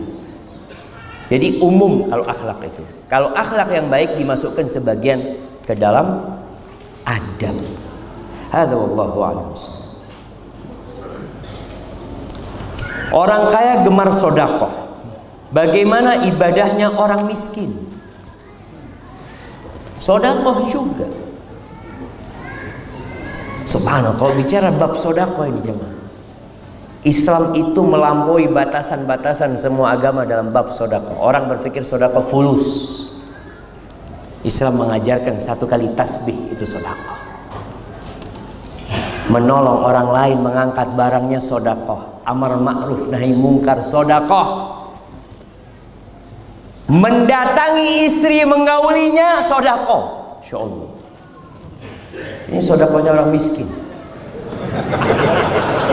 Kata Rasul SAW, wa fi bud'i ahadikum sadaqah. Kalian mendatangi istri kalian dapat pahala sedekah.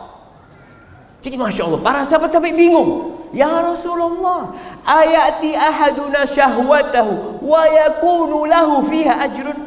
Rasul, ini orang mendatangi syahwatnya, nafsunya, dapat pahala. Kata bingung para sahabat. Ara'aita Lau wada'ahu fi haramin Akana alaihi wizir Menurut kamu gimana? Kalau syahwatnya itu ditaruh di yang haram Dosa nggak dia? Ya dosa ah, Kalau ditaruh yang di halal Maka Maka istri nggak boleh nolak sodakohnya Nah hadisnya kan kayak gitu ya. Ini bab sodakoh Jadi semua amal kebaikan Jadi orang-orang yang miskin Banyak amal soleh Berzikir itu ada nilai sodakoh sebenarnya. Tapi gimana Ustaz? Anak kepingin umroh. Anak kepingin juga bangun masjid. Niat. Ketika engkau niat. Kalau Allah berikan kepada aku seperti apa yang diberikan kepada fulan. Aku akan lakukan seperti yang dilakukan fulan. Dia berbuat baik dengan hartanya. Apa kata Nabi SAW? Fahuma fil ajri sawa Dua orang ini pahalanya sama. Tapi niatnya yang benar. Makanya kalau antum melihat ada masjid mau dibangun, ya Allah, kalau aku punya uang satu miliar, 500 juta aku sumbang. Padahal antum duitnya cuma 10 ribu. iya, tapi antum niat, berani nggak antum? Dikasih satu miliar beneran, ya Allah. 500 juta. Terlalu banyak kata dia. Itu orang yang niatnya nggak sungguhan. Maka niat. Antum melihat orang berangkat haji ya Allah. Berdoa. Mudah-mudahan hamba punya rezeki mau berangkat haji. Antum ngomong kayak gitu sampai mati nggak berangkat haji dapat pahala haji tapi kalau antum dikasih rezeki nggak berangkat haji berarti niat antum bohong. Maka niat yang sodik kata Nabi SAW sadiqun biniyatihi baru dapat pahala yang sama.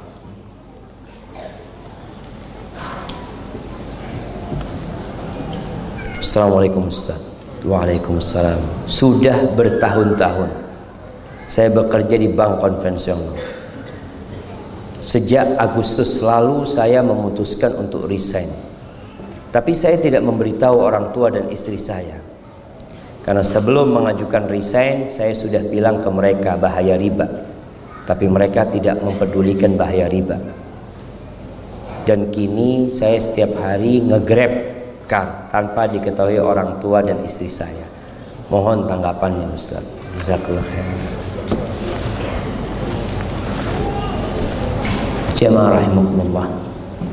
Allah mengatakan, "Walladzina jahadu fina lanahdiyannahum subula." Wa innallaha la ma'al muhsinin. Dan orang-orang yang bersungguh-sungguh berjuang mencari keridhaan kami di jalan kami pasti kami kata Allah kami tunjukin jalan-jalan kami. Allah itu bersama orang-orang yang suka berbuat baik. Ini orang masya Allah. Dia berani mengambil resiko itu. Tapi satu sisi dia tidak ingin menyakitin orang tuanya. Menyakitin istrinya. Antum perlahan-lahan tetap berdakwah kepada orang tua. Tunjukkan akhlak yang mulia. Dan kalau antum hijrah, antum akan diuji dan dicoba sama Allah. Ingat kisah Ashabul Ukhdud.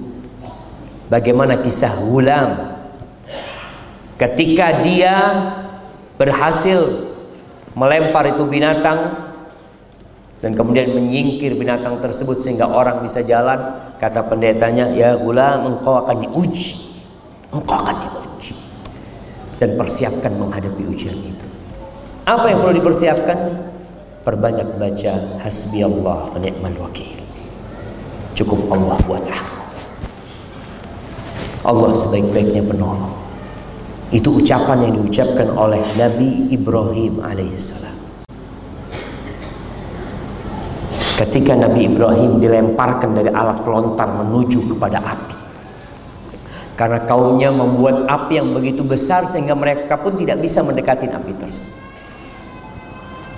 Akhirnya mereka bikin alat pelontar. Ketika dalam pelontaran itu Nabi Ibrahim jemaah, Nabi Ibrahim ditelanjangin sama kaum. Antum lihat ujian Nabi Ibrahim begitu dahsyatnya. Ditelanjangin sama kaumnya, dilemparkan ke api, datang malaikat Jibril menawarkan pertolongan. Alaka ilayya hajah, Ibrahim, kau perlu bantuanku?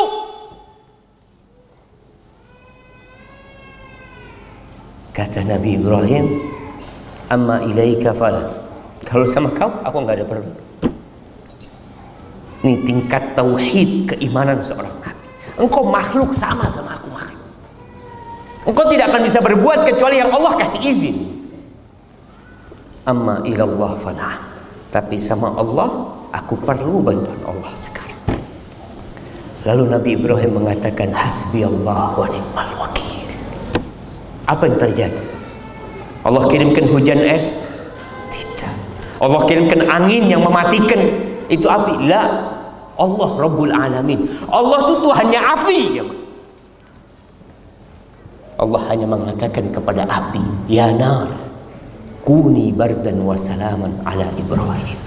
Wahai api, jadilah engkau sejuk dan keselamatan buat Ibrahim. Selesai diuji Nabi Ibrahim selamat. Nanti istrinya diuji dengan istri yang nggak punya anak bertahun-tahun. Nabi istri nggak punya anak bertahun-tahun. Sampai seperti itu. Punya anak nggak boleh ngelihat anaknya. Nabi Ibrahim punya anak, anaknya suruh taruh di Mekah. Bertahun-tahun, puluhan tahun baru melihat Ismail dalam gendongan Yesus bawa ke Mekah, tinggal di sana. Nggak ada siapa-siapa di sana jemaah. Lihat ketika orang bergantung sama Allah. Itu istrinya Nabi Ibrahim. Hajar berkata kepada Nabi Ibrahim, ditaruh di sana, ditinggalin air satu wadah sama kurma. Nabi Ibrahim balik. Kata istri, "Ya Ibrahim, ilaman takiluna?" Kamu titipkan kami kepada siapa di sini? Nabi Ibrahim diam. Dia jalan dengan kendaraan. Nggak noleh. Nggak tega Nabi Ibrahim. Lagi sama istri, "Ya Ibrahim, Titip engkau titipkan kami kepada siapa? Terus Nabi Ibrahim jawab. Yang ketiga kalinya istrinya sadar, kayaknya pertanyaannya anak yang salah. Maka dia rubah pertanyaannya. Ya Ibrahim, Allahu amaraka bihada. Apakah Allah yang memerintahkan kepadamu untuk melakukan ini? Kata Nabi Ibrahim. Kata istrinya, silahkan kau pergi. Allah tidak akan melantarkan kita di tempat ini. Silakan kau pergi. Tapi butuh perjuangan jamaah. Antum pikir istrinya Nabi Ibrahim diam duduk-duduk di sana. Ketika air sudah habis, susunya udah kering, kurma juga sudah habis, Ismail menangis, ditinggal sama ibu. Aku akan cari air. Dia percaya sama Allah, tetap ada usaha. Dan kita akan diuji. Jadi buat teman-teman yang hijrah, sabar. Antum ujiannya tidak sebesar ujian tukang sihirnya Fir'aun. Tukang sihirnya Fir'aun itu pagi hari masih musyrik, sore hari sudah beriman dan disalib di pohon-pohon kurma. Dibantai sama Fir'aun. Ribuan jumlah mereka. Jadi kalau antum cuma kehilangan pekerjaan, kehilangan mobil, kadangkala ada yang harus kehilangan orang tuanya, kehilangan istrinya. Perjuangan para sahabat yang hijrah itu jamaah diusir sama orang tuanya. Nabi Ibrahim itu kehilangan bapaknya. Dia cinta sama bapak. Tapi kata bapaknya, "Ya Ibrahim, la illam tantahi la arjumannak." Ibrahim kalau kau nggak berhenti ngasih nasihat aku, aku akan lemparin engkau dengan batu. Wah jurni mania. Sana kau pergi tinggalkan aku sendiri. Subhanallah. Gimana anak diusir sama orang tuanya? Tapi Nabi Ibrahim tetap berusaha baik sama orang tuanya. Maka buat teman-teman yang hijrah hendaklah bersabar.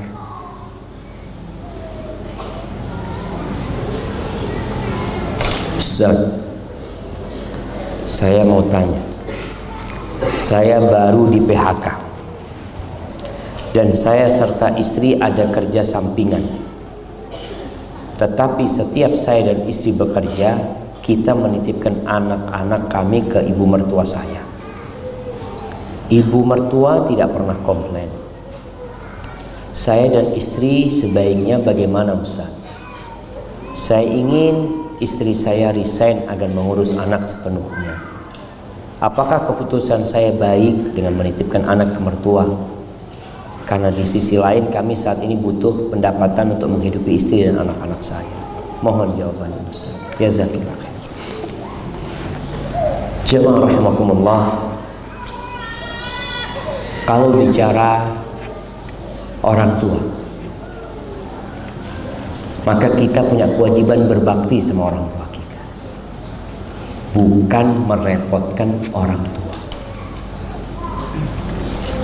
tapi kalau kondisi yang memang berat boleh seorang anak minta tolong orang tuanya asalkan tidak membebankan orang tua karena orang tua kita tuh jamaah sampai kapan pun tetap sayang sama anaknya kita itu dipandang sama orang tua masih kecil. Masih perlu bantuan dia. Dan ada seorang anak ya Allah, anak kok ngelihat anak berbakti sama orang tuanya itu jamaah iri ya. Ada seorang anak dia itu tiap tahun kira-kira kirim duit ke orang tuanya 100 ribu real tiap tahun tiap bulan 370 juta dia kirim duit kepada orang tuanya Sukses anak. Tapi kalau dia berangkat kepada ke rumah orang tuanya, dia nggak bawa duit. Dia nggak bawa duit. Dia memang sengaja anak tinggal dompet apa anak tinggal. Kadang-kala belanja sama ibunya ke supermarket, sampai supermarket, Umi, anak nggak bawa full Umi. Kata Uminya, absyir, tenang, pakai duitnya Umi. Dia ingin supaya dia tetap kecil, dia perlu sama ibunya. Dan Allah mengingatkan kita supaya kita itu ingat kalau kita ini masih kecil. Di hadapan orang tua, kita tetap anak pangkatnya. Maka Allah suruh kita berdoa apa doanya? Wa qur rabbirhamhuma kama rabbayani saghira. Ya Allah rahmatin keduanya sebagaimana mereka merawat aku ketika kecil. Sampai antum tua tetap doanya itu. Supaya ingat kita kecil. Maka antum kalau bisa tidak merepotin mertua udah tua, udah capek, dia udah kasih anaknya sama antum, antum repotin. Kalau istri bisa resign, itu akan lebih baik. Resign dari pekerjaan bukan berarti perempuan tidak bekerja. Alhamdulillah banyak pekerjaan yang bisa dilakukan. Tetap bergantung sama Allah SWT, jangan pernah bergantung kepada pekerjaan kita. Yang kasih rizki itu bukan bos kita, bukan perusahaan kita yang kasih rizki itu Allah Tapi kita tetap berusaha.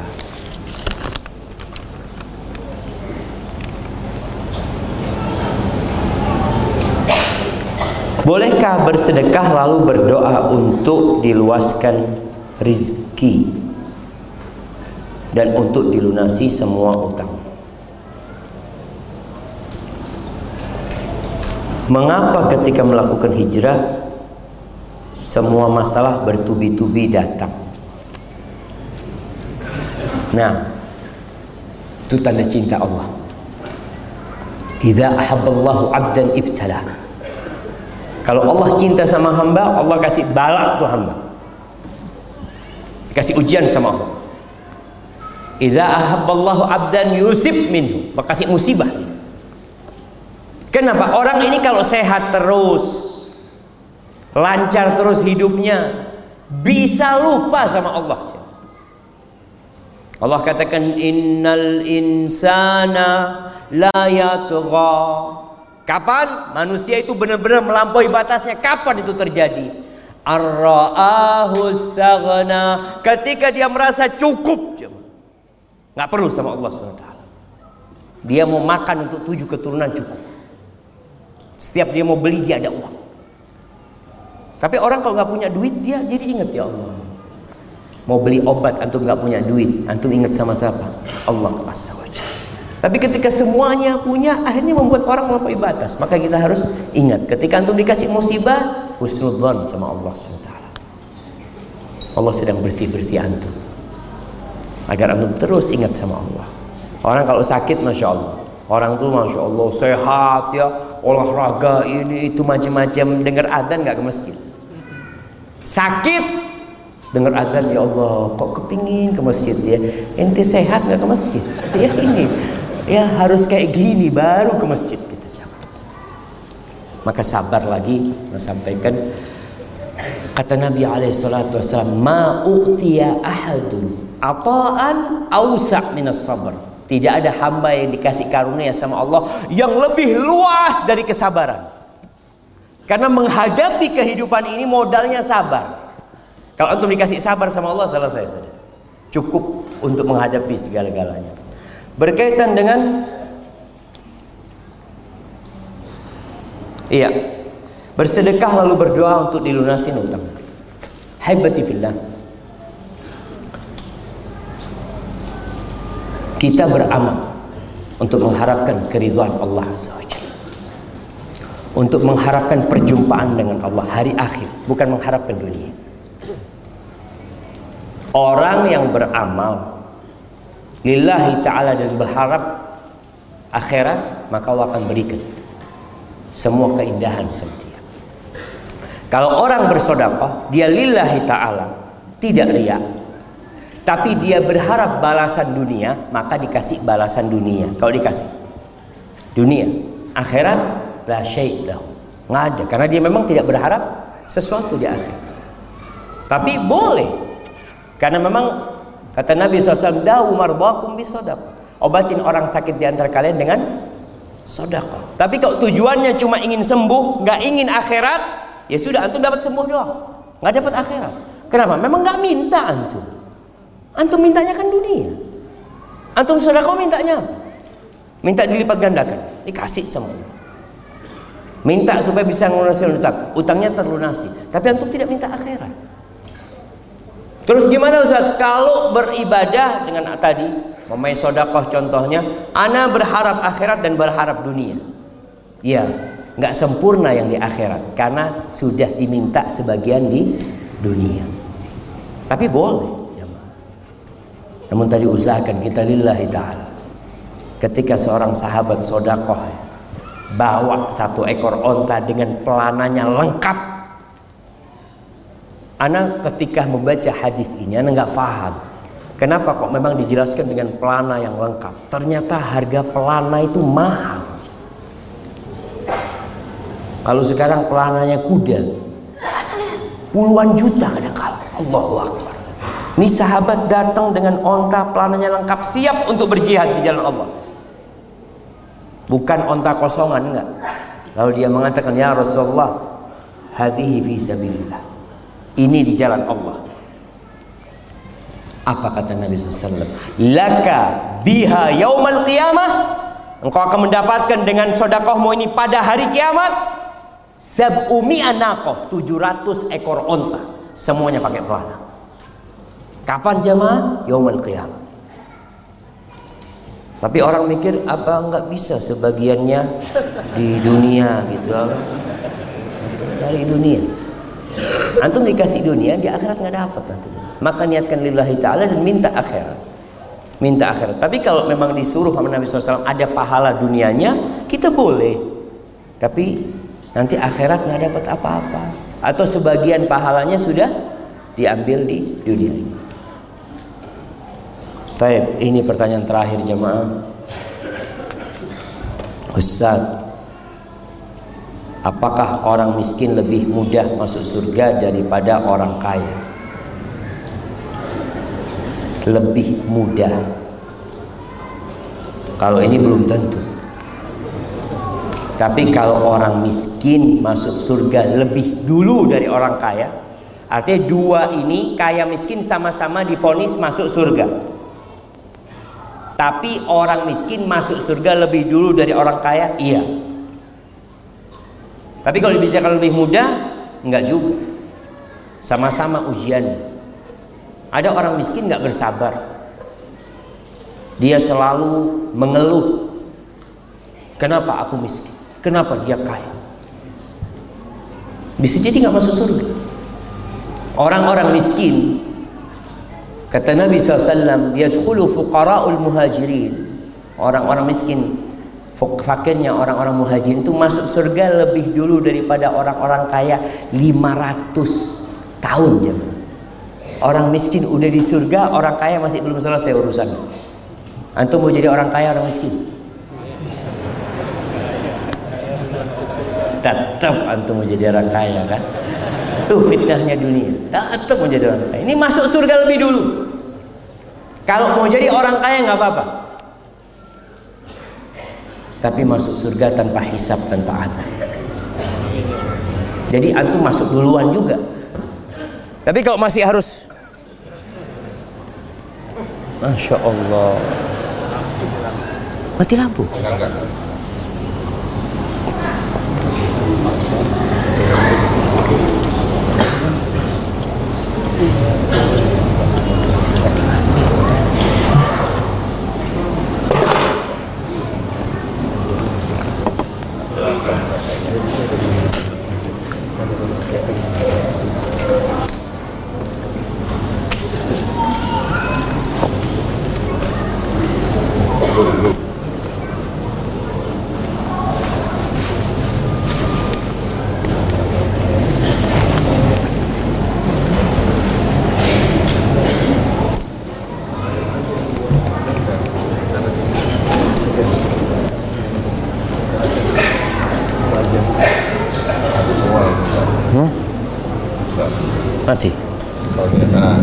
Masya Allah.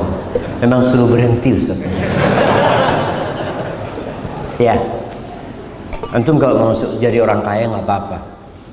Orang kaya yang masuk surga tanpa hisap, tanpa azab. Ya dia masuk duluan juga karena tanpa hisap, tanpa azab. Jadi lebih baik yang mana jemaah? Kaya bersyukur atau miskin bersabar?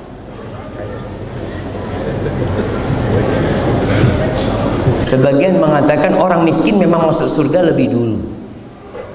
Tapi orang kaya mungkin terlambat masuk surganya. Tapi surga itu kan tingkatannya banyak. Ada mi ada raja, ada seratus derajat. Satu derajat ke yang kedua ini jaraknya antara bumi dan langit. Seperti itu cara. Jadi bisa jadi orang kaya ini terlambat masuk surganya, tapi dia berada di derajat yang tinggi.